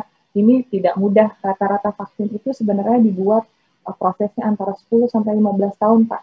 Mulai dari penelitian papernya, kemudian uji laboratorium, sampai masuk clinical trial pertama, clinical trial kedua. Betul diuji cobakan ke manusia untuk apa? Untuk memastikan vaksinnya aman, untuk memastikan vaksinnya uh, efektif. Karena kan vaksin ini pencegahan, ya Bapak Ibu, bukan obat. Kalau obat, vaksin diberikan kepada orang sakit. Kalau uh, vaksin ini diberikan kepada orang sehat supaya nggak sakit. Ya, prinsipnya seperti itu. Nah, mereka yang ikut clinical trial itu uh, ikut serta secara sukarela. Ya, mereka ikut serta secara sukarela untuk uh, menjadi bagian dari proses clinical trial. Umumnya prosesnya itu disebut dengan uh, yang namanya uh, uh, apa namanya randomized clinical trial. Jadi ada kelompok yang diberi vaksin, ada kelompok yang tidak diberi vaksin. Kemudian dibandingkan ya situasinya seperti apa, berapa banyak misalnya secara sederhana saja ya Bapak Ibu, berapa banyak yang diberi vaksin yang kemudian terinfeksi, berapa banyak yang tidak diberi vaksin yang terinfeksi. Dari sanalah kemudian diketahui uh, efek efikasi dari uh, sebuah vaksin. Kemudian di situ juga dilihat uh, biasanya uji cobanya ini multi site uh, untuk memastikan bahwa uh, orang dari berbagai jenis usia, uh, ras gitu ya uh, mendapatkan efek yang sama. Jadi akan dilihat gitu apakah ini aman buat orang Asia, orang uh, apa namanya uh, Afrika dan lain sebagainya. Jadi itu dilakukan secara sukarela. Dan hanya vaksin-vaksin yang lulus clinical trial saja yang kemudian bisa diproduksi dan mendapatkan uh, izin penggunaan dari uh, lembaga kesehatan dunia seperti WHO. Kemudian di setiap negara punya otoritasnya sendiri, punya regulasi sendiri untuk memastikan vaksin itu bisa digunakan. Indonesia sendiri punya Bio Farma, Bapak Ibu, dan ini uh, adalah uh, salah satu BUMN yang cukup besar yang memproduksi vaksin bahkan bukan hanya untuk uh, kebutuhan dalam negeri tapi juga uh, banyak negara lain di dunia. Jadi ada vaksin polio, ada vaksin campak, uh, DPT gitu yang diproduksi oleh uh, Bio Farma. Jadi ini program yang sudah dilakukan uh, lama sekali, proses clinical trial uji cobanya juga sudah baku ya diawasi oleh banyak pihak karena uh, kita semua tentunya ingin memastikan vaksin yang digunakan ini aman gitu ya. Apalagi kalau yang imunisasi rutin Bapak Ibu, ini kan sasarannya anak bayi ya di bawah satu tahun. Jadi ini betul-betul harus dipastikan uh, itu aman. Dan selama ini itu terbukti aman dan juga berhasil memang mencegah banyak sekali uh, angka kecacatan dan angka kematian uh, pada anak. Dulu anak itu lahir ya banyak sekali yang dengan kondisi misalnya uh, CRS ya, uh, kulit telinganya tidak bisa mendengar, ada gangguan pendengaran, gangguan jantung, itu akibat virus rubella. Nah, sekarang pemerintah sudah memastikan imunisasi rubella ke dalam jadwal imunisasi rutin. Harapannya, insiden anak-anak yang mengalami kecacatan atau kematian akibat penyakit-penyakit yang sebenarnya bisa dicegah uh, oleh imunisasi itu uh, bisa dilakukan. Gitu ya Pak, mudah-mudahan uh, menjawab. Terima kasih.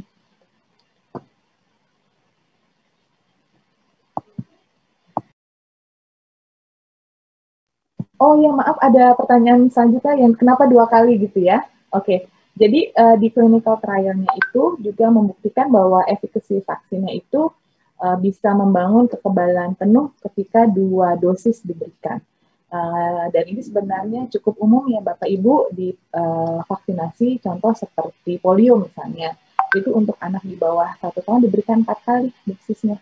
Jadi uh, usia berapa bulan, kemudian diberikan lagi, diberikan lagi sampai usia di bawah tahun itu empat kali. DPT juga gitu diberikan beberapa kali itu untuk membangun uh, kekebalan penuh. Gitu. Uh, statistiknya kalau yang dosis pertama uh, apa namanya untuk COVID kita terlindung sekitar 60 persen. Dengan dosis kedua kita bisa mendapatkan perlindungan yang optimal. Kira-kira itu jawabannya. Terima kasih.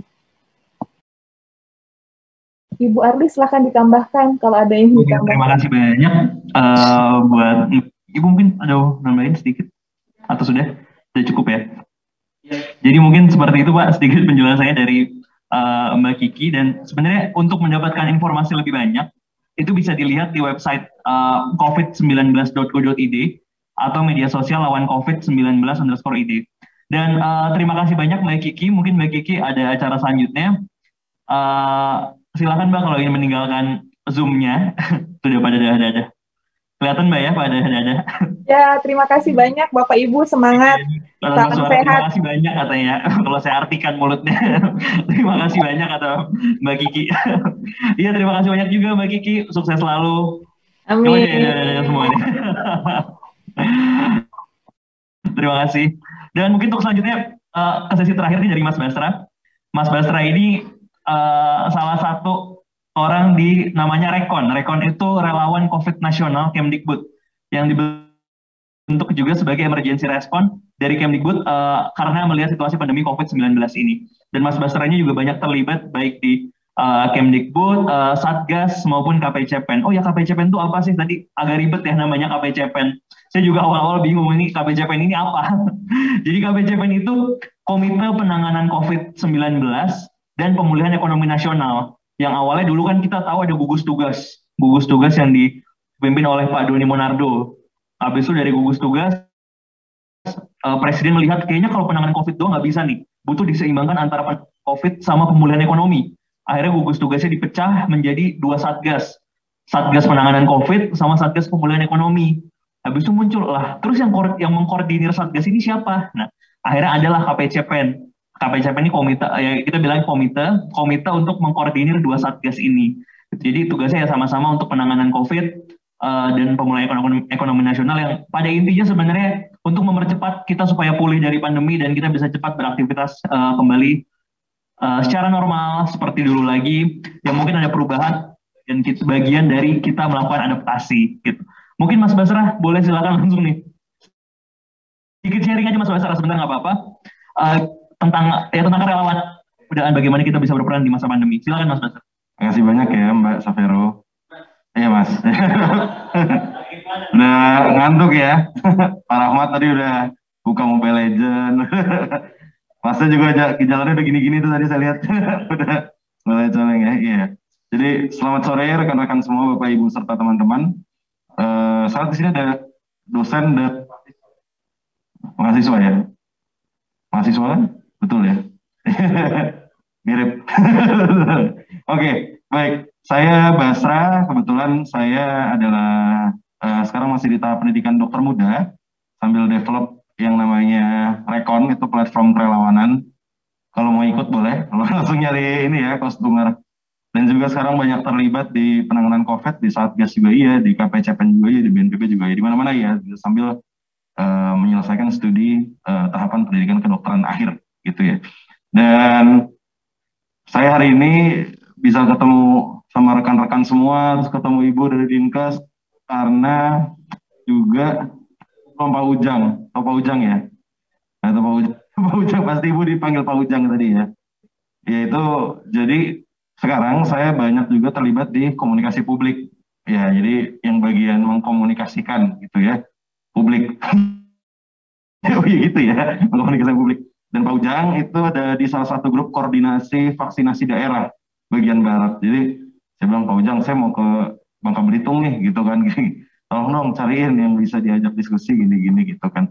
Jadi bisa sambil ngobrol dan uh, setiap harinya kerjaan saya yang paling umum dari pagi bangun pagi hari ada 11 13 sekarang ya, 13. Ada 13 WhatsApp grup yang penuh koordinasi vaksinasi dan setiap pagi saya harus jawabin keresahan-keresahan sebenarnya itu rata-rata dinkes dan nakes ya itu baru dinkes dan nakes jadi menjawab jawabi uh, keresahan-keresahan yang ada di bawah gitu. Yang sebenarnya isunya sama yang ditanyain gitu ya tadi ya masalah efikasi terus masalah menyusui dari ibu ya. Dan itu sebenarnya sudah ada informasinya tapi memang tantangan kita bukan di bagaimana membuat sebuah informasi tapi menyebarkan informasi. Dan kabar buruknya apa? Informasi yang salah itu lebih cepat nyebar itu itu nggak tahu kenapa ya. Jadi susah sekali gitu bisa menyebarkan sesuatu yang baik karena mungkin yang baik kadang terlihat normatif gitu ya. Tapi yang buruk itu kan sensasional membangun emosional catat gitu. Pegang gitu. Kirim ini ke keluarga kalau tidak PPP gitu. Gitu ya. Tiba-tiba WhatsApp jadi Tuhan gitu. Dan nggak tahu kenapa kita secara otomatis kita juga nyebar lagi dan saya adalah salah satu korban dan yang menjadi pelaku ya yeah. jadi jadi itu penting dan uh, waktu itu saya mikir waktu saya pertama kali develop program Rekon saya berpikir bahwa ini pemerintah ini punya tanggung jawab besar dalam mendeliver menyampaikan kebijakan pengetahuan yang akhirnya menjadi modal bagi masyarakat untuk bisa melawan disinformasi atau hoax. Akhirnya saya masuk ke pemerintahan gitu kan sekarang ya. Gitu. Dan ternyata memang susah gitu. Satu susah. Kedua tetap tanggung jawab. Tapi ada satu hal yang kita luput bahwa tanggung jawab dan tugas adalah dua hal yang berbeda. Bila bicara tanggung jawab, mungkin memang pemerintah paling bertanggung jawab. Tapi bicara tugas, itu tanggung jawab kita semua untuk bisa mendeliver ini. Gitu. Karena ya karena lawan kita itu saya pernah ribut sama bude saya gitu ya karena urusan kayak urusan apa informasi di WA itu ya ya kan dan bahaya sekali gitu pernah kemarin di Jakarta vaksinasi lansia itu penuh. Karena ada misinformasi bahwa uh, waktu itu sekarang kan sudah dibuka untuk umum ya untuk umum lansia.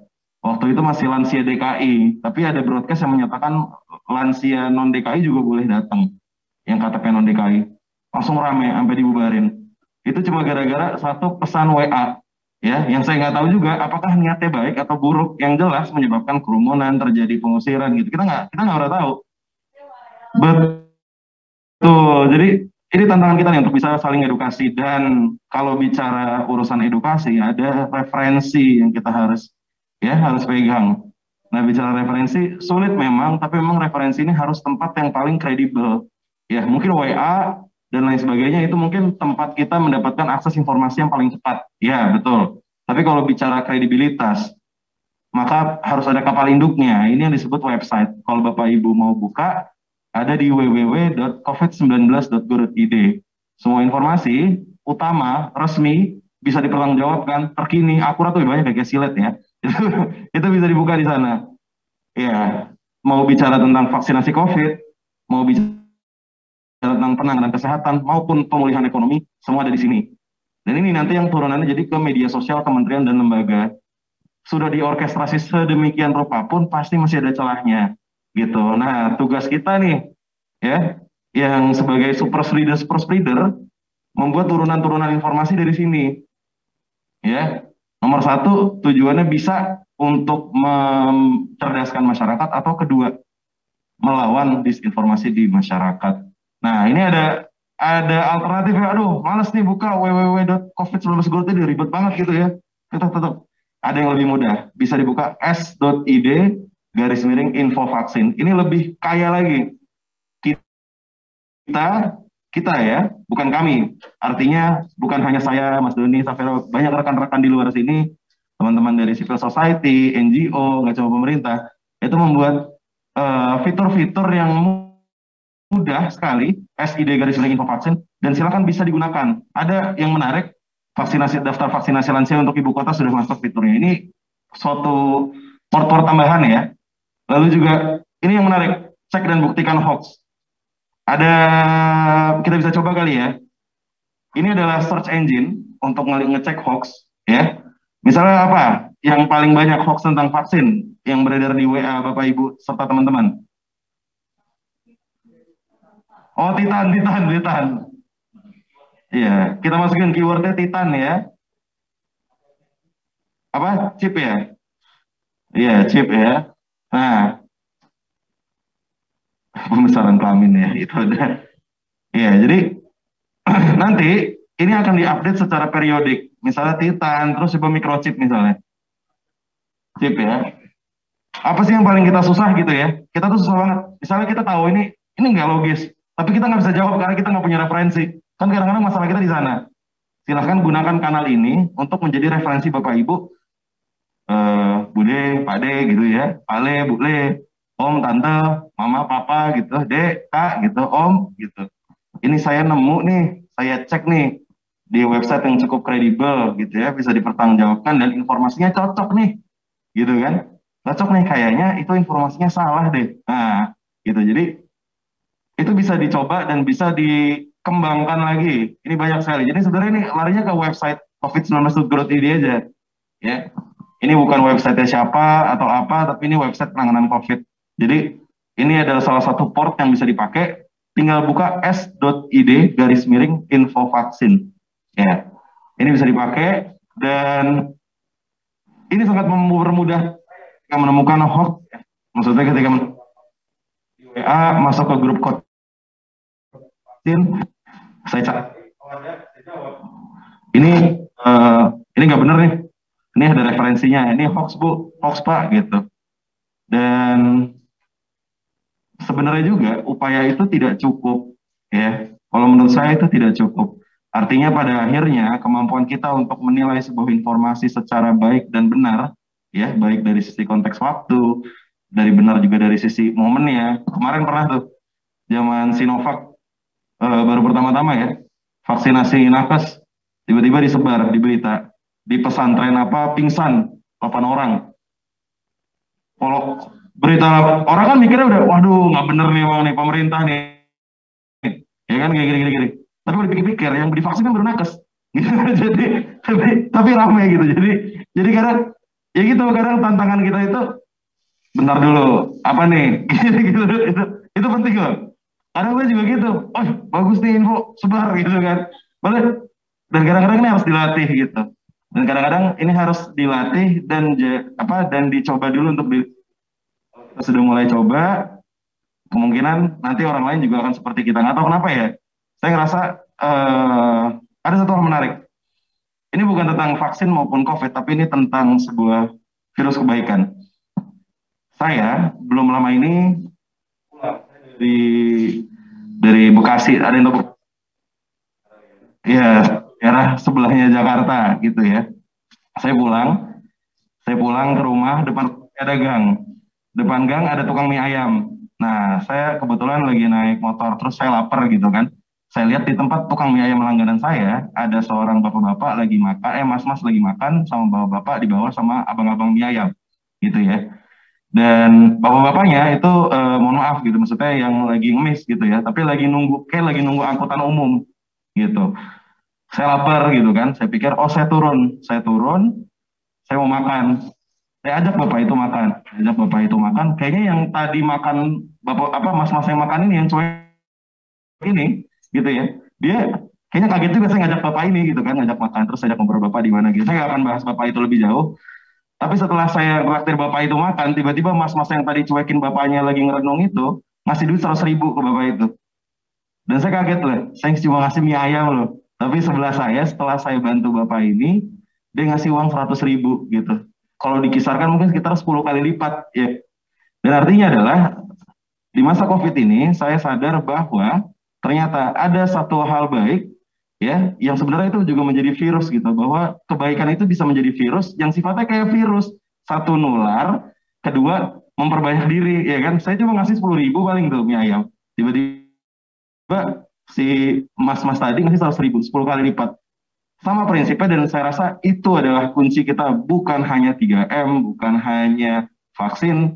Dan bagi saya bagaimana kita punya niat baik ya dan bagaimana kita menyampaikan kebaikan kita dengan baik saya rasa itu adalah tantangan terbesar kita sebagai masyarakat untuk bisa menyelesaikan atau paling tidak mempercepat ya. Mempercepat ada yang bilang pandemik bisa lama tapi paling tidak kita percepat karena kita pengen uh, terlindungi secepat-cepatnya. Tadi kita bicara misalnya tadi ya dan tantangan kita bisa menjawab tadi nih misalnya kenapa?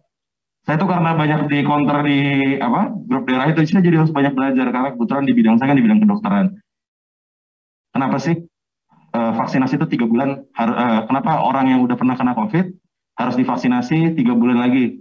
Baru boleh ya?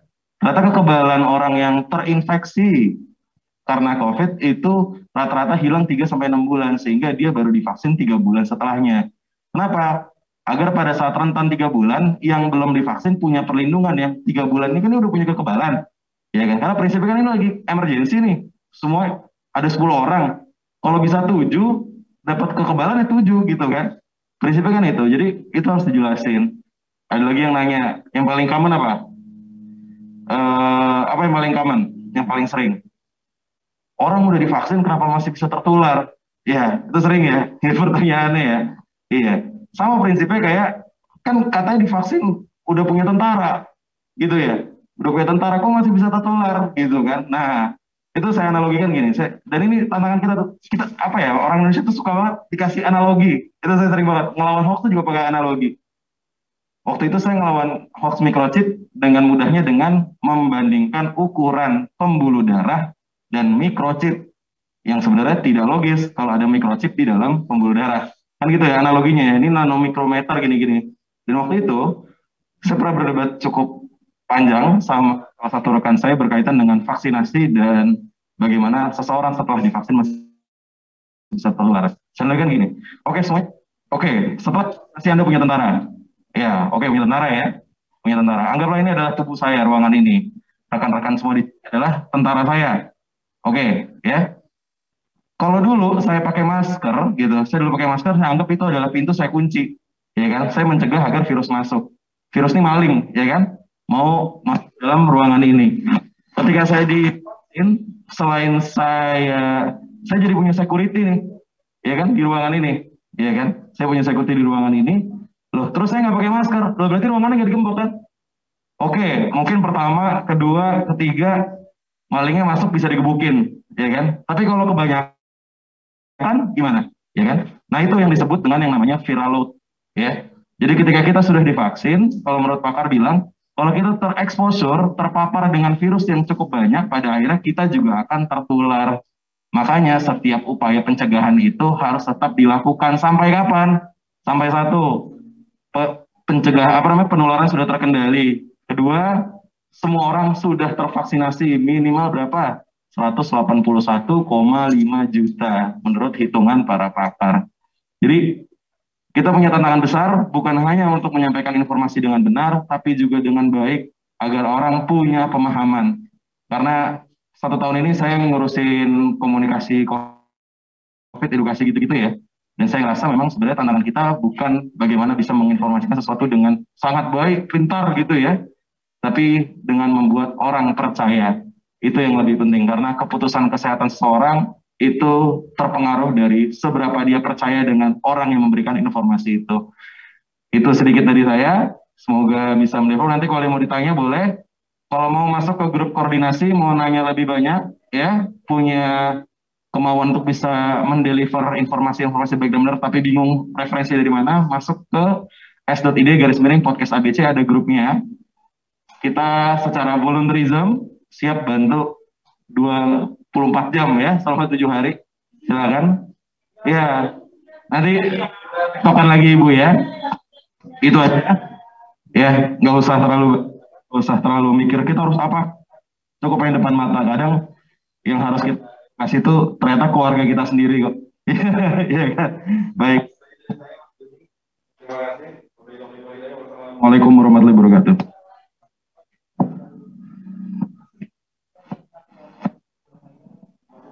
Ya, ada mau nanya? Ada mau nanya?